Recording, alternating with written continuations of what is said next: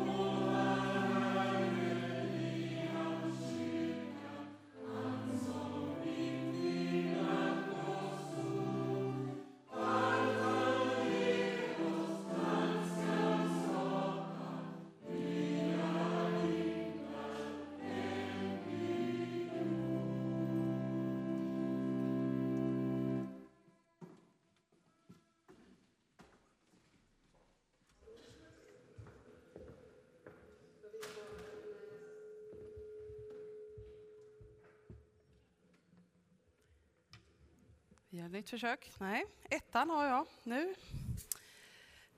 Då ska vi ha en eh, barnvälsignelse och vi börjar med att lämna ord och ton till två släktingar här, Klara och Emanuel Lago.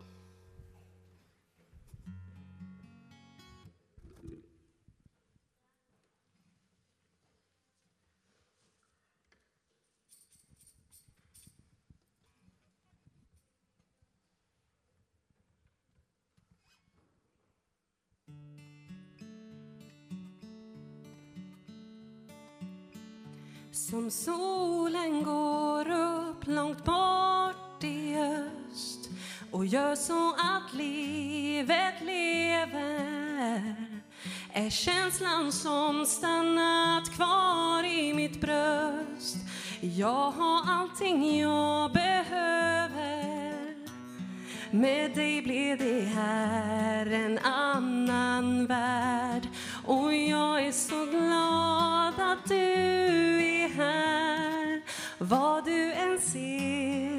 vart du än går finns du alltid kvar hos mig ändå.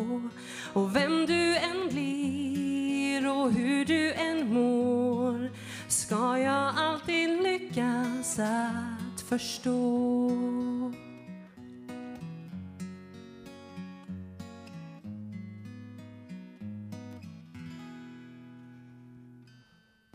När tiden går framåt som den vill och gör så att år försvinner så ger jag dig allt och lite till.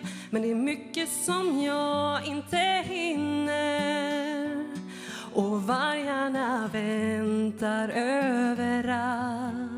Jag håller dig varm Vad du än ser, vart du än går finns du alltid kvar hos mig ändå. Vem du än blir och hur du än mår ska jag alltid lyckas lyckas att förstå. Oh,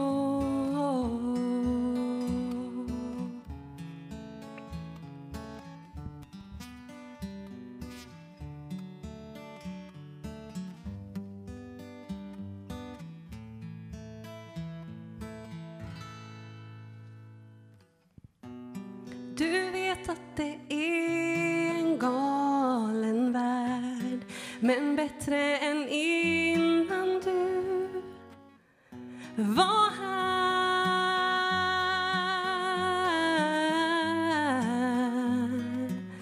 Innan du var här. För vad du än ser och vart du än går finns du alltid kvar hos mig ändå. Och vem du än blir ska jag alltid lyckas, lyckas att förstå?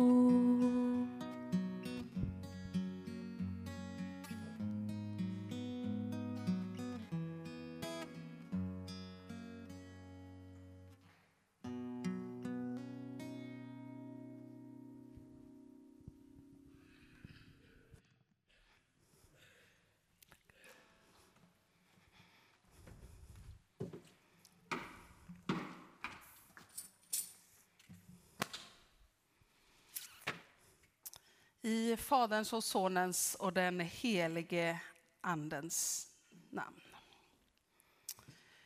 Genom sitt liv visade Jesus hur barnen är förebilder i Guds rike och att de alltid lever nära hans hjärta.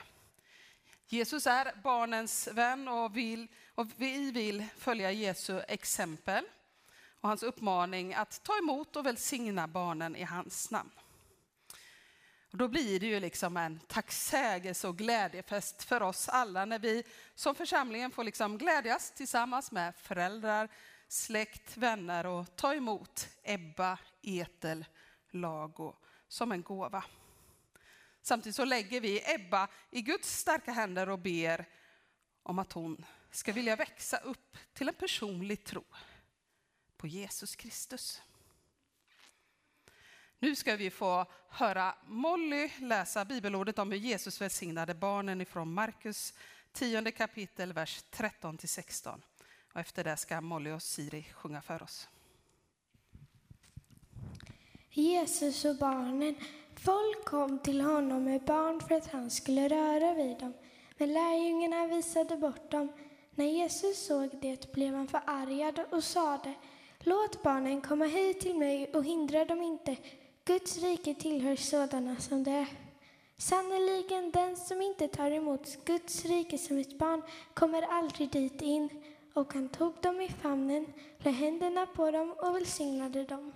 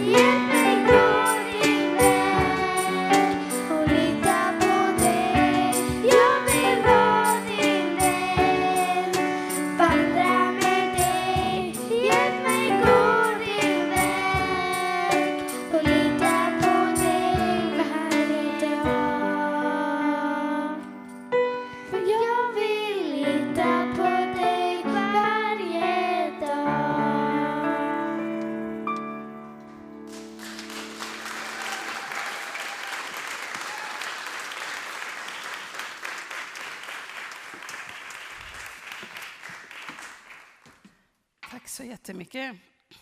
Vi ber. Gud vår skapare, tack för livets under och det underverk som Ebba är. Men också ber vi för oss alla andra också. Du som blev människa i Jesus Kristus, du vet hur det är. Du har lekt, du har skrattat, du har slagit dig och gråtit. Du har gjort dina föräldrar oroliga och blivit älskad och fått kramar. Nu tackar vi dig för att vi får vända oss till dig med det käraste vi har och be om din välsignelse. Tack för att du alltid är oss nära genom din heliga Ande. Amen.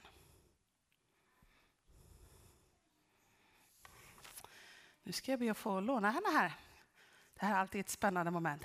Hej!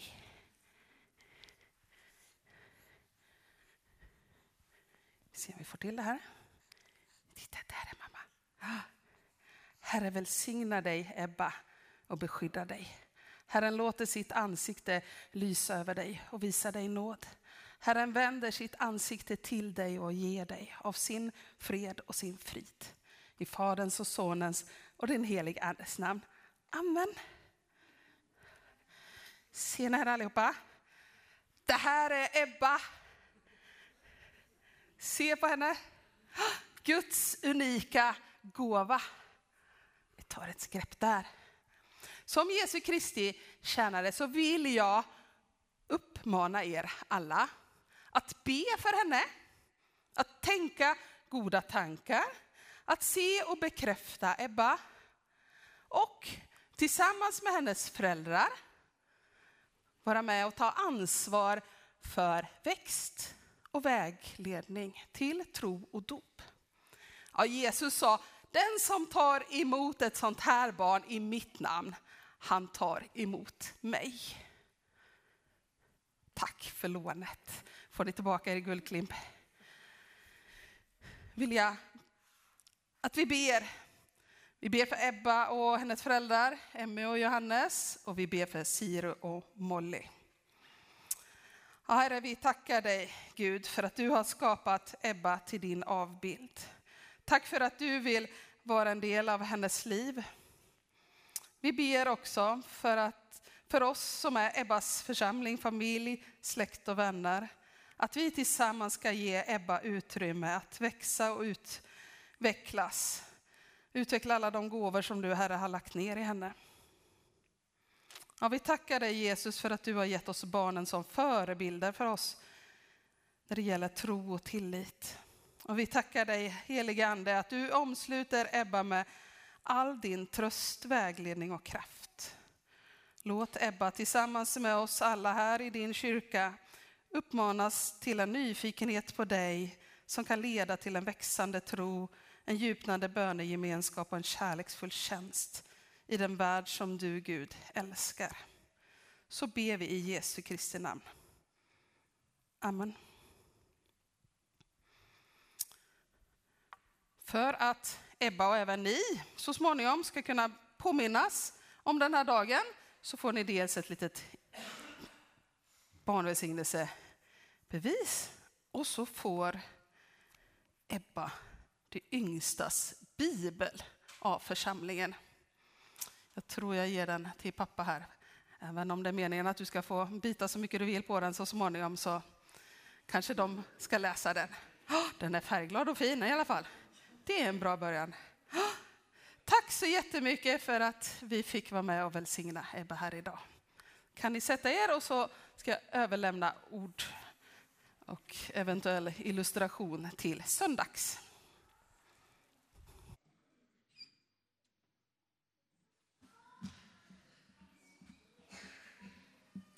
I skolan så är det så att de yngre barnen med jämna mellanrum, ofta ibland eller lite, ja, får röra på sig för att få lite syre till huvudet och kunna koncentrera sig bättre.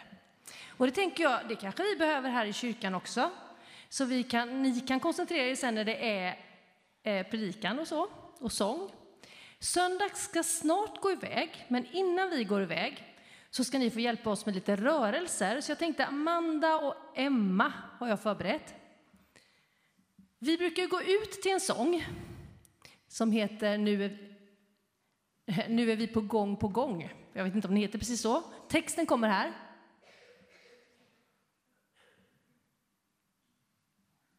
Tänkte att vi skulle göra rörelse till det. Titta mer på dem än på mig, men jag gör rätt ibland. Om vi, vi pratar först, så ska vi sjunga sen. Vi testar med bara prata. Nu är vi på gång, på gång, på gång. Här kommer vi med buller och bång. Hjärtat bubblar, det vill spricka av sång. Nu är vi på gång, på gång, på gång. Ja, jag tror att ni kan lära er det. Om ni ställer upp den som har möjlighet att stå upp, finns med, och så kommer musik här, så ni behöver inte vara oroliga. Ni kommer inte höras jättemycket när ni sjunger. Kör musik. Vi kör två gånger.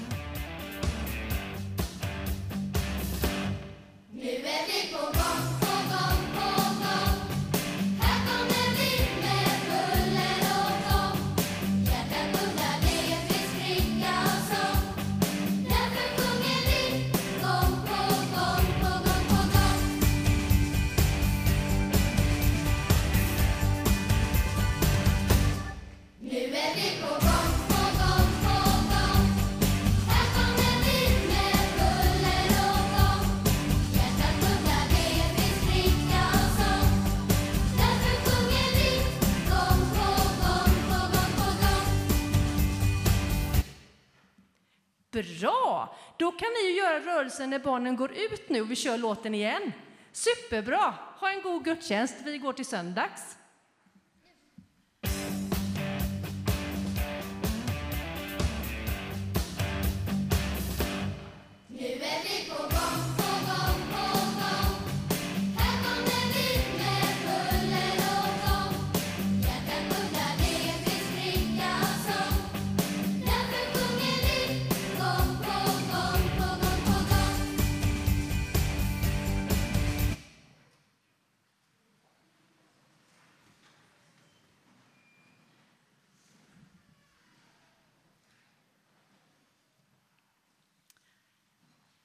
Jag ska sjunga en sång och den heter Himmelsfärdskoral. Och det är Atle Burman som har gjort texten till den.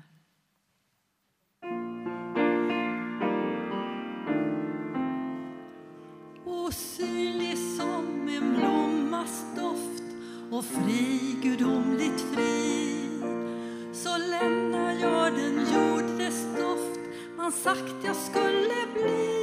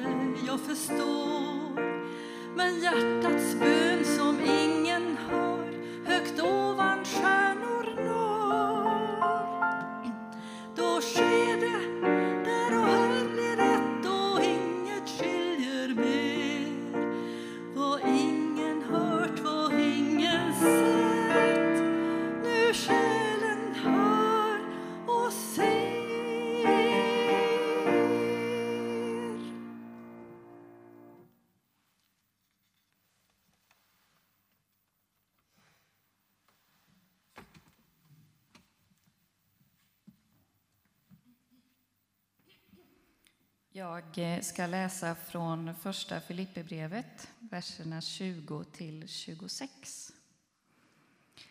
Jag väntar och hoppas att jag aldrig ska stå där med skam utan att jag nu som alltid öppet ska lo- våga lovprisa Kristus med min kropp, vare sig den ska leva eller dö. Ty för mig är livet Kristus och döden en vinning, såvida inte ett fortsatt liv här på jorden ger mig en vinst genom mitt arbete. För då vet jag inte vad jag ska välja. Jag slits åt båda hållen.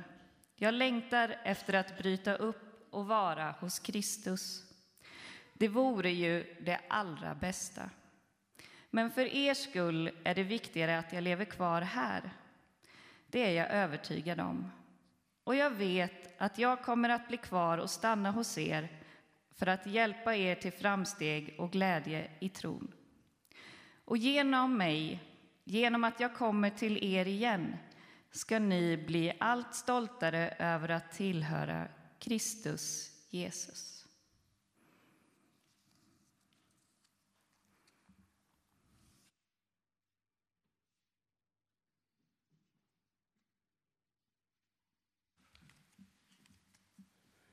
Vi ber Herrens bön tillsammans.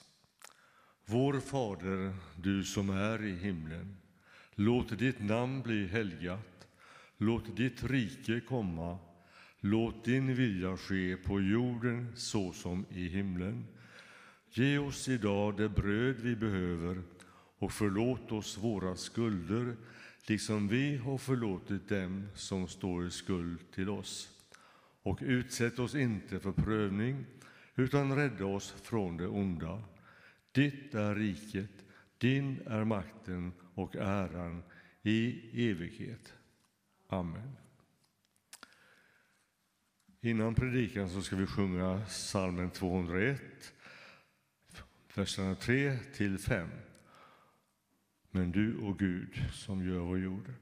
Och eh, som vanligt så tar vi upp kollekt i vår gudstjänst. Och eh, via Swish här och så på utgången får ni som lämnar kontanter göra det. Och eh, jag ber redan nu för den gåva som vi kommer att samlas in.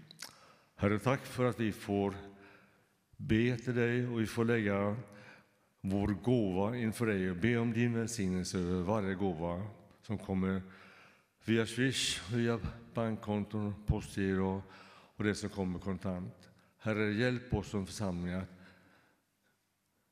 hantera de pengarna på ett rätt sätt och vi ber om din välsignelse över den. Amen. 201.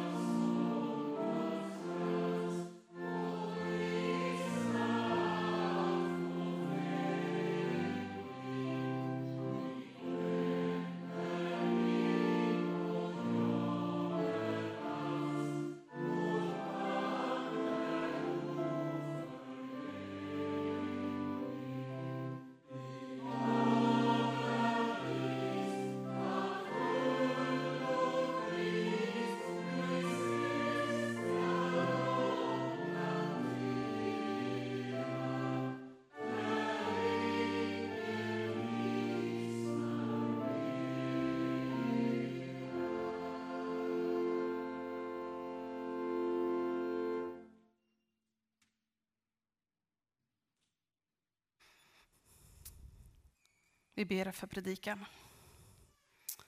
Ja, herre, öppna våra ögon så vi kan se dig. Herre, öppna våra öron så vi kan höra dig. Herre, öppna våra hjärtan för vad du vill nå in till oss, var och en just idag. Ja, herre, hjälp oss att inse att det aldrig är kört om vi vänder oss till dig. Så ber vi i Jesu Kristi namn. Amen. Har eh, någon av er kanske käkat en toast någon gång? En sandwich eller någon form av dubbelmacka? Oavsett vad ni har emellan den eller hur man tillreder den eller inte. Då brukar man ju oftast liksom prata om det där liksom goda pålägget man har emellan. Det är ju liksom det, det, är ju det man vill åt, eller? Kanske. Men idag ska vi prata om brödet. För det finns några ställen i Markus evangeliet där vi ska hålla oss idag, där liksom två berättelser vävs samman som en dubbelmacka. Och den här berättelsen är en sådan. Och dagens evangelietext är hämtad ifrån Markus evangeliets femte kapitel, verser 35 till 43. Men jag vill då, med anledning att jag vill ha med bägge brödskivorna här, liksom läsa först vers 21–24, där berättelsen börjar. Det står, när Jesus hade farit tillbaka till andra sidan sjön samlades mycket folk omkring honom. Medan han var där vid sjön kom det dit en synagogföreståndare vid namn Jairos. Då han såg Jesus kastade han sig för hans fötter och bad enträget. Min lilla dotter är nära att dö. Kom och lägg dina händer på henne så att hon räddas till livet. Och Jesus gick med honom. Mycket folk följde efter och, en, och trängde sig in på honom. Sen kommer insprängt här, lite då som pålägget mellan två brödskivor, berättelsen om kvinnan med blödningar. Men den får ni läsa själva hemma. Så då kommer vi fram till vers 35 till 43. Medan han ännu talade kom det bud till synagogföreståndaren från hans hem. Din dotter är död, du ska inte besvära mästaren längre. Men Jesus som hörde deras ord sade till föreståndaren, var inte rädd, tro bara. Sedan lät han ingen mer än Petrus och Jakob och hans bror Johannes följa med och de gick hem till föreståndaren. Där såg han upprörda människor som grät och klagade. Han gick in till dem och sa, varför ropar ni och gråter? Flickan är inte död, hon sover. Då skrattade de åt honom. Men han körde ut allesammans och tog med sig flickans far och mor och lärjungarna och gick in till där hon låg. Så tog han barnets hand och sa Talita kom. Det betyder lilla flicka, jag säger dig, stig upp. Och genast reste sig flickan och gick omkring. Hon var tolv år gammal. De blev utom sig av förvåning, men han förbjöd dem att eh, låta någon veta vad som hade hänt. Sedan sade han åt dem att ge flickan något att äta. Vi har en man här. Han är synagogsföreståndare. Men han har ju inte bara ett eh, yrke som jag tror var lite status i. Han är ju även pappa. Och genast kom jag att tänka på en gammal eh, reklam om någon som var tandläkare som även var mamma. Jag vet inte vad du tänkte på, om det är bara jag som har sådana kinkiga Johan, ni vet. Och Jairos, han hade ju en sjuk dotter där hemma. Så därför letade han upp Jesus och så ber han Jesus om hjälp. Och så gör han det riktigt ordentligt får man ju ändå säga, för han faller på knä och så vädjar han och ber till Jesus att han ska komma och lägga händerna på sin dotter för att rädda henne till livet. Jesus hänger då på i riktning mot Jairos hem, men Jesus fastnar på vägen. Alltså det var ju alltid mycket folk kring Jesus och trots att jag tror att Jesus fattade liksom utifrån hur Jairos verkligen bad att, att det är bråttom, det här är viktigt, nu, nu gäller det liksom så var folkmassan i vägen. Det gick inte att komma fram fort. Och mitt där i det där tumultet eller folkmassan så, så kommer det dessutom en kvinna som har blödningar. Och när jag läser hela det här sammanhanget så tänker jag att mitt i den här berättelsen när, när Jesus märker att kraft går ut ur honom med den här kvinnan så, så hänger det i alla fall i mitt huvud en fråga. Kommer Jesus hinna fram i tid? Flickan ligger ju för döden, kom igen Jesus, tänker jag. Samtidigt som det sker ett, ett stort under. Och direkt när vi liksom växlar tillbaka till berättelsen om Jairos och hans dotter så får vi reda på att flickan har dött under tiden. Och det känns lite som ett misslyckande någonstans.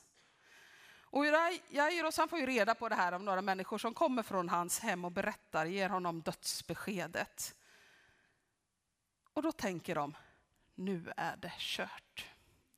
Alltså då är det ju ingen idé att störa Jesus längre det är för sent.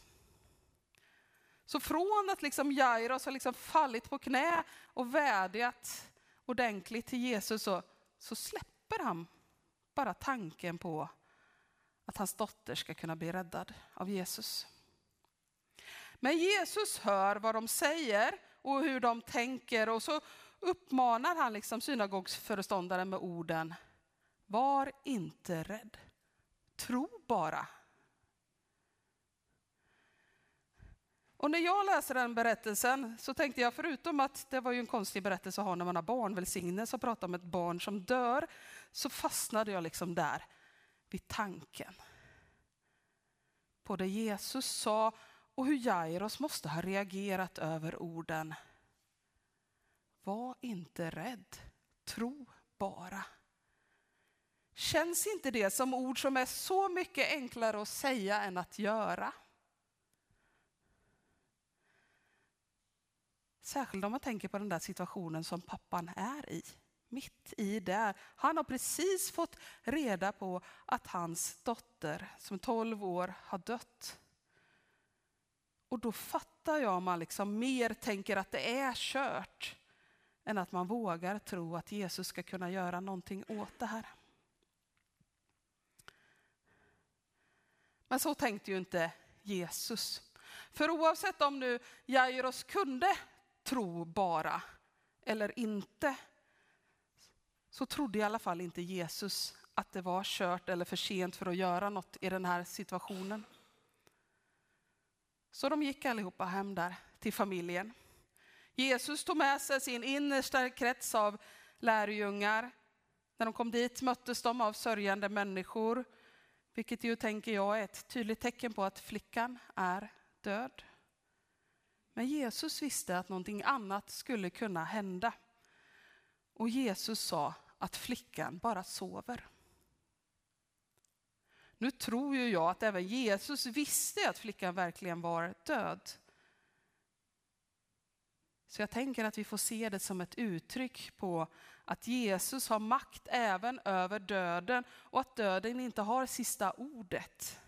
Det finns någonting mer även efter döden. Då händer något som jag tycker är lite gött att ändå få stå i Bibeln, för det står att de skrattade åt honom. Vi pratade om det på bönen och var någon som sa att de hade läst att det är det enda stället som står att man skrattar åt Jesus. Förutom att det väl får ses som ytterligare ett tecken på att flickan verkligen är död, så tycker jag det är lite befriande att det står där. Och för mig blir det liksom ett litet tecken på att ja, men det är inte så lätt att tro alltid. Framförallt inte om det är övernaturliga saker som behöver hända för att ändra på någonting. Sen är ju Markus den av evangelisterna som har mest med om känslor i sitt evangelium. Jag vet inte om ni som har läst Bibeln mycket har tänkt på det, men det är, det är mycket, mycket mer känslor i Markus än i de andra synoptiska evangelierna som man kallar Matteus och Lukas. Tidigare i berättelsen så stod det ju då att synagogsföreståndaren kastade sig vid Jesu fötter och att han enträget bad, min lilla dotter är nära att dö, kom och lägg dina händer på henne så att hon räddas till livet. Och jag, jag tror ju att de trodde att Jesus kunde be för sjuka, att det skulle kunna ske under då, att de skulle kunna bli friska. Men att be om att en som är död ska komma till liv igen. Nej, det är ju frågan om de trodde verkligen att det var möjligt. Och kanske var det därför de skrattade åt Jesus. Fast det hade ju hänt förut. Läser man mycket i Bibeln då, då kan man se att det både berättas att Elia och Elisha har varit med och verkat för att sådana som var döda skulle väckas upp till liv när de hade bett till Gud och, och rört vid den tidigare döde. Och det kommer ju hända igen senare, till exempelvis med Lazarus. Men Jesus, ja, han körde bort allihopa. Här ska ni inte vara. Och kanske är det för att Jesus tänker, men det behövs ju inga sörjande här. Hon är ju inte död, eller kommer i alla fall inte vara det så länge till. Det visste ju Jesus, men kanske vågar inte de andra riktigt hoppas på det än. Sedan vaknade flickan. Eller snarare sagt kanske uppväcktes hon från de döda. Och hon steg upp. Kanske kan någon här inne tycka att det är lite intressant att veta att det, det är samma gre- ord på grekiska för stig upp som används här som används i samband med Jesu uppståndelse. Och så berättar Markus att dottern ska käka mat kan man ju tycka är en ganska oväsentlig detalj, men jag tänker att det på något sätt förstärker intrycket om att nu är hon verkligen vid livet igen. För spöken käkar ju inte mat, det vet vi väl alla. När flickan då är åter i livet, ja men då blir ju alla till sig utav förvåning. Och det kan man väl verkligen förstå. Det var väl kanske bara Jesus som trodde på att det som nu hade hänt skulle kunna hända. För jag har funderat en del på, trodde pappan Jairos på att det skulle kunna hända? Vågade han liksom tro när han såg att Jesus verkade tro på att någonting gick att göra? Hjälpte kanske undret med den blödande kvinnan till, för det måste troligtvis Jairos ha upptäckt och märkt på vägen. Vågade Jairus ta till sig Jesu uppmaning om att tro bara? På allvar liksom och sätta sin tillit till Jesus i den här situationen. Men jag tänker att han måste ha gjort det i alla fall på något sätt. För, för Jairus tar ju ändå med Jesus hem även efter dödsbeskedet. Och han låter Jesus gå in till sin dotter. Så jag tror att Jairus i alla fall inte helt släpper taget om hoppet om att det inte är helt kört. Och det tänker jag att det kan vi lära oss av. Att inte släppa taget om hoppet. Och sedan avslutas den här berättelsen om någonting som är också ganska typiskt Markus evangeliet. Det är att det står om att Jesus ber dem att inte berätta någonting. Det ska förbli hemligt vem Jesus är och vad han kan göra. Man brukar kalla det för Messias-hemligheten. Och det är någonting som genomsyrar Markus hela berättelse från början till slut. Jag hinner inte gå närmare in på det i den här predikan, men det, men det är ett intressant grepp, eller vad man nu vill kalla det, som Markus har i sitt berättande. Men som tur var så är ju inte Messias-hemligheten hemlig längre. Den hemligheten är bruten sedan länge och vi får fritt berätta om vem Jesus är, vad han har gjort och också får vi dela med varandra vad Jesus fortsätter att göra för var och en av oss idag, i våra liv. Vi får berätta om alla de där mäktiga underna som Jesus gjorde när han var här på jorden. Till exempelvis då när han uppväckte synagogföreståndarens Jairos dotter ifrån de döda. Och jag tänker att de under som Jesus gjorde, som det berättas om i Bibeln, de ger oss hopp om att det aldrig är kört. De ger oss hopp om att det aldrig är för sent att vända sig till Jesus för hjälp. Det ger oss till och med hopp om att det som är dött kan väckas till liv. För kraften i Jesu namn, den verkar än idag och räddningen den finns inom räckhåll för den som tror. Och ibland måste man tro bara, även om man är rädd. Man måste våga lita på Jesus. Att han har allt i sin hand. Även om vi med våra mänskliga referensramar tänker att nu är det kört och nu är det för sent.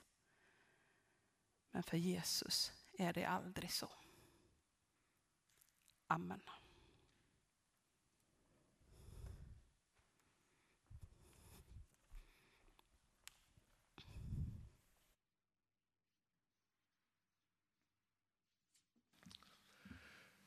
Jag ska spela en sångmelodi och eh, den finns i psalmboken på 311 så ni kan hänga med i texten där om ni vill. Och tycker ni att ni vill sjunga så, ja varsågoda. 311, ett barn i Guds hamn.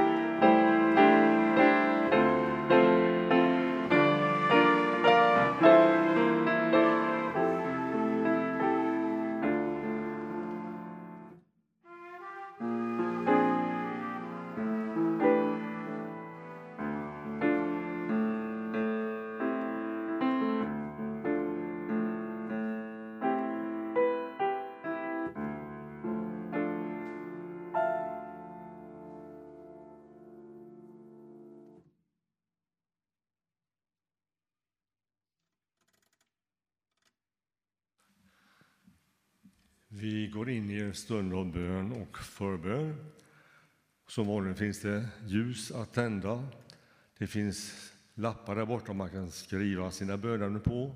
Viker du lappen så läser vi inte upp den. Är den oviken så läser vi gärna upp den. Och vill du komma fram här och delge något böneämne eller tacksägelseämne så går det självklart också bra. Ulrika sitter på första bänken där och är förberedd. Vi sjunger och Ingrid, kan vi börja med I dig har jag trygghet?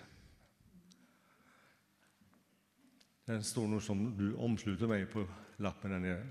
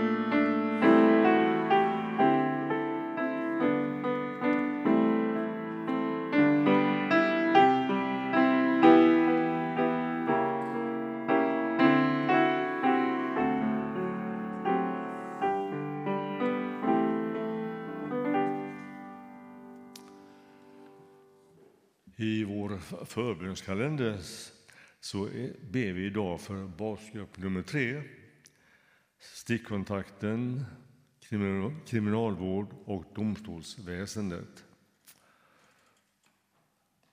Herre, jag vill tacka dig för att vi har basgrupper som jobbar med omsorgen och detta i vår församling, även detta med arbete och service. Herre, jag ber för basgrupp nummer tre, tack att jag själv får tillhöra den. Herre, ge oss utav dig själv i vår gemenskap där. Herre, jag ber för stickkontakten som ska träffas nu till veckan. Herre, tack för de kontakter vi får den vägen. Herre, led dem som är ansvariga och tack att du är med i mötet med alla de som kommer. Du ser vår kriminalvård, du ser domstolsväsendet.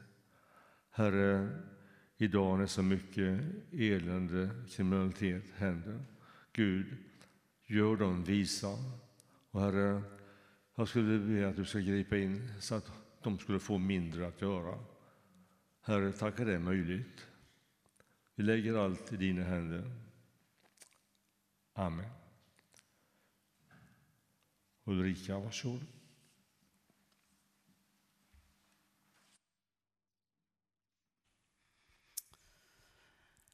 Jag vill skicka med er från Herren själv, Guds välsignelse. Herren välsignar dig och beskyddar dig. Herren låter sitt ansikte lysa över dig och visa dig nåd. Herren vänder sitt ansikte till dig och ger dig av sin fred och sin frid. I Faderns och Sonens och den helige Andes namn. Amen. Kort några polska innan vi sjunger en sista sång. Det är fika här efteråt, självklart välkomna att dela den gemenskapen. Och ikväll så kommer Senorenteamet till söndagsträffen klockan 18. Och då är vi också välkomna att vara med. Jag har blivit ombedd att poängtera det här med stickkontakten. Det fanns inte med i predikoturerna, men det är stickkontakt på torsdag i alla fall. Hur är det med lördag 18? Ska vi säga någonting om det? Ja, men precis. Jag stannade kvar här för att jag tänkte att vi kunde påminna om att man jättegärna får vara med på lördag 18 på nästa lördag den 30 klockan 18. Ganska logiskt. En lördag klockan 18 har vi lördag 18. Men det finns en anmälningslista ute på informationsdisken Eh, som man jättegärna får skriva upp sig om man kan vara med om man har någon specialkost. För att det är mat och gemenskap på en lördag 18-samling. Och då är det ju bra att veta ungefär hur mycket mat man ska köpa in så att det inte blir matsvinn och sådana grejer vi inte vill ha och dessutom kunna hålla nere kostnaden så mycket för att det är självkostnadspris. Man delar på det. Så vi delar både gemenskapen och kostnaden för det. Ska jag också påminna också att på listan eller på disken där ute så finns det också fortfarande idag sista möjligheten att anmäla sig till den dagsretreat som vi har den 7 oktober. Läs mer på lappen om det låter intressant och anmäl dig senast idag. Och också säga att eh, efter att vi har fikat en liten stund, eh, så de som är eller har varit gudstjänstledare eller skulle kunna tänka sig att vara det eller nyfiken på vad det kan innebära, så samlar vi ihop oss vid ett särskilt bord. För just nu är behovet av gudstjänstledare kanske lite större än vad det brukar vara för att eh, vi anställda kan liksom inte täcka upp och vara gudstjänstledare så mycket och vi behöver gärna hushålla med våran tid också eh, när vi är lite färre så har du möjligheten att vara gudstjänstledare eller vill lära dig hur man är, gå bredvid någon. Sätt dig vid bordet där jag och Rolf kommer sätta oss så småningom.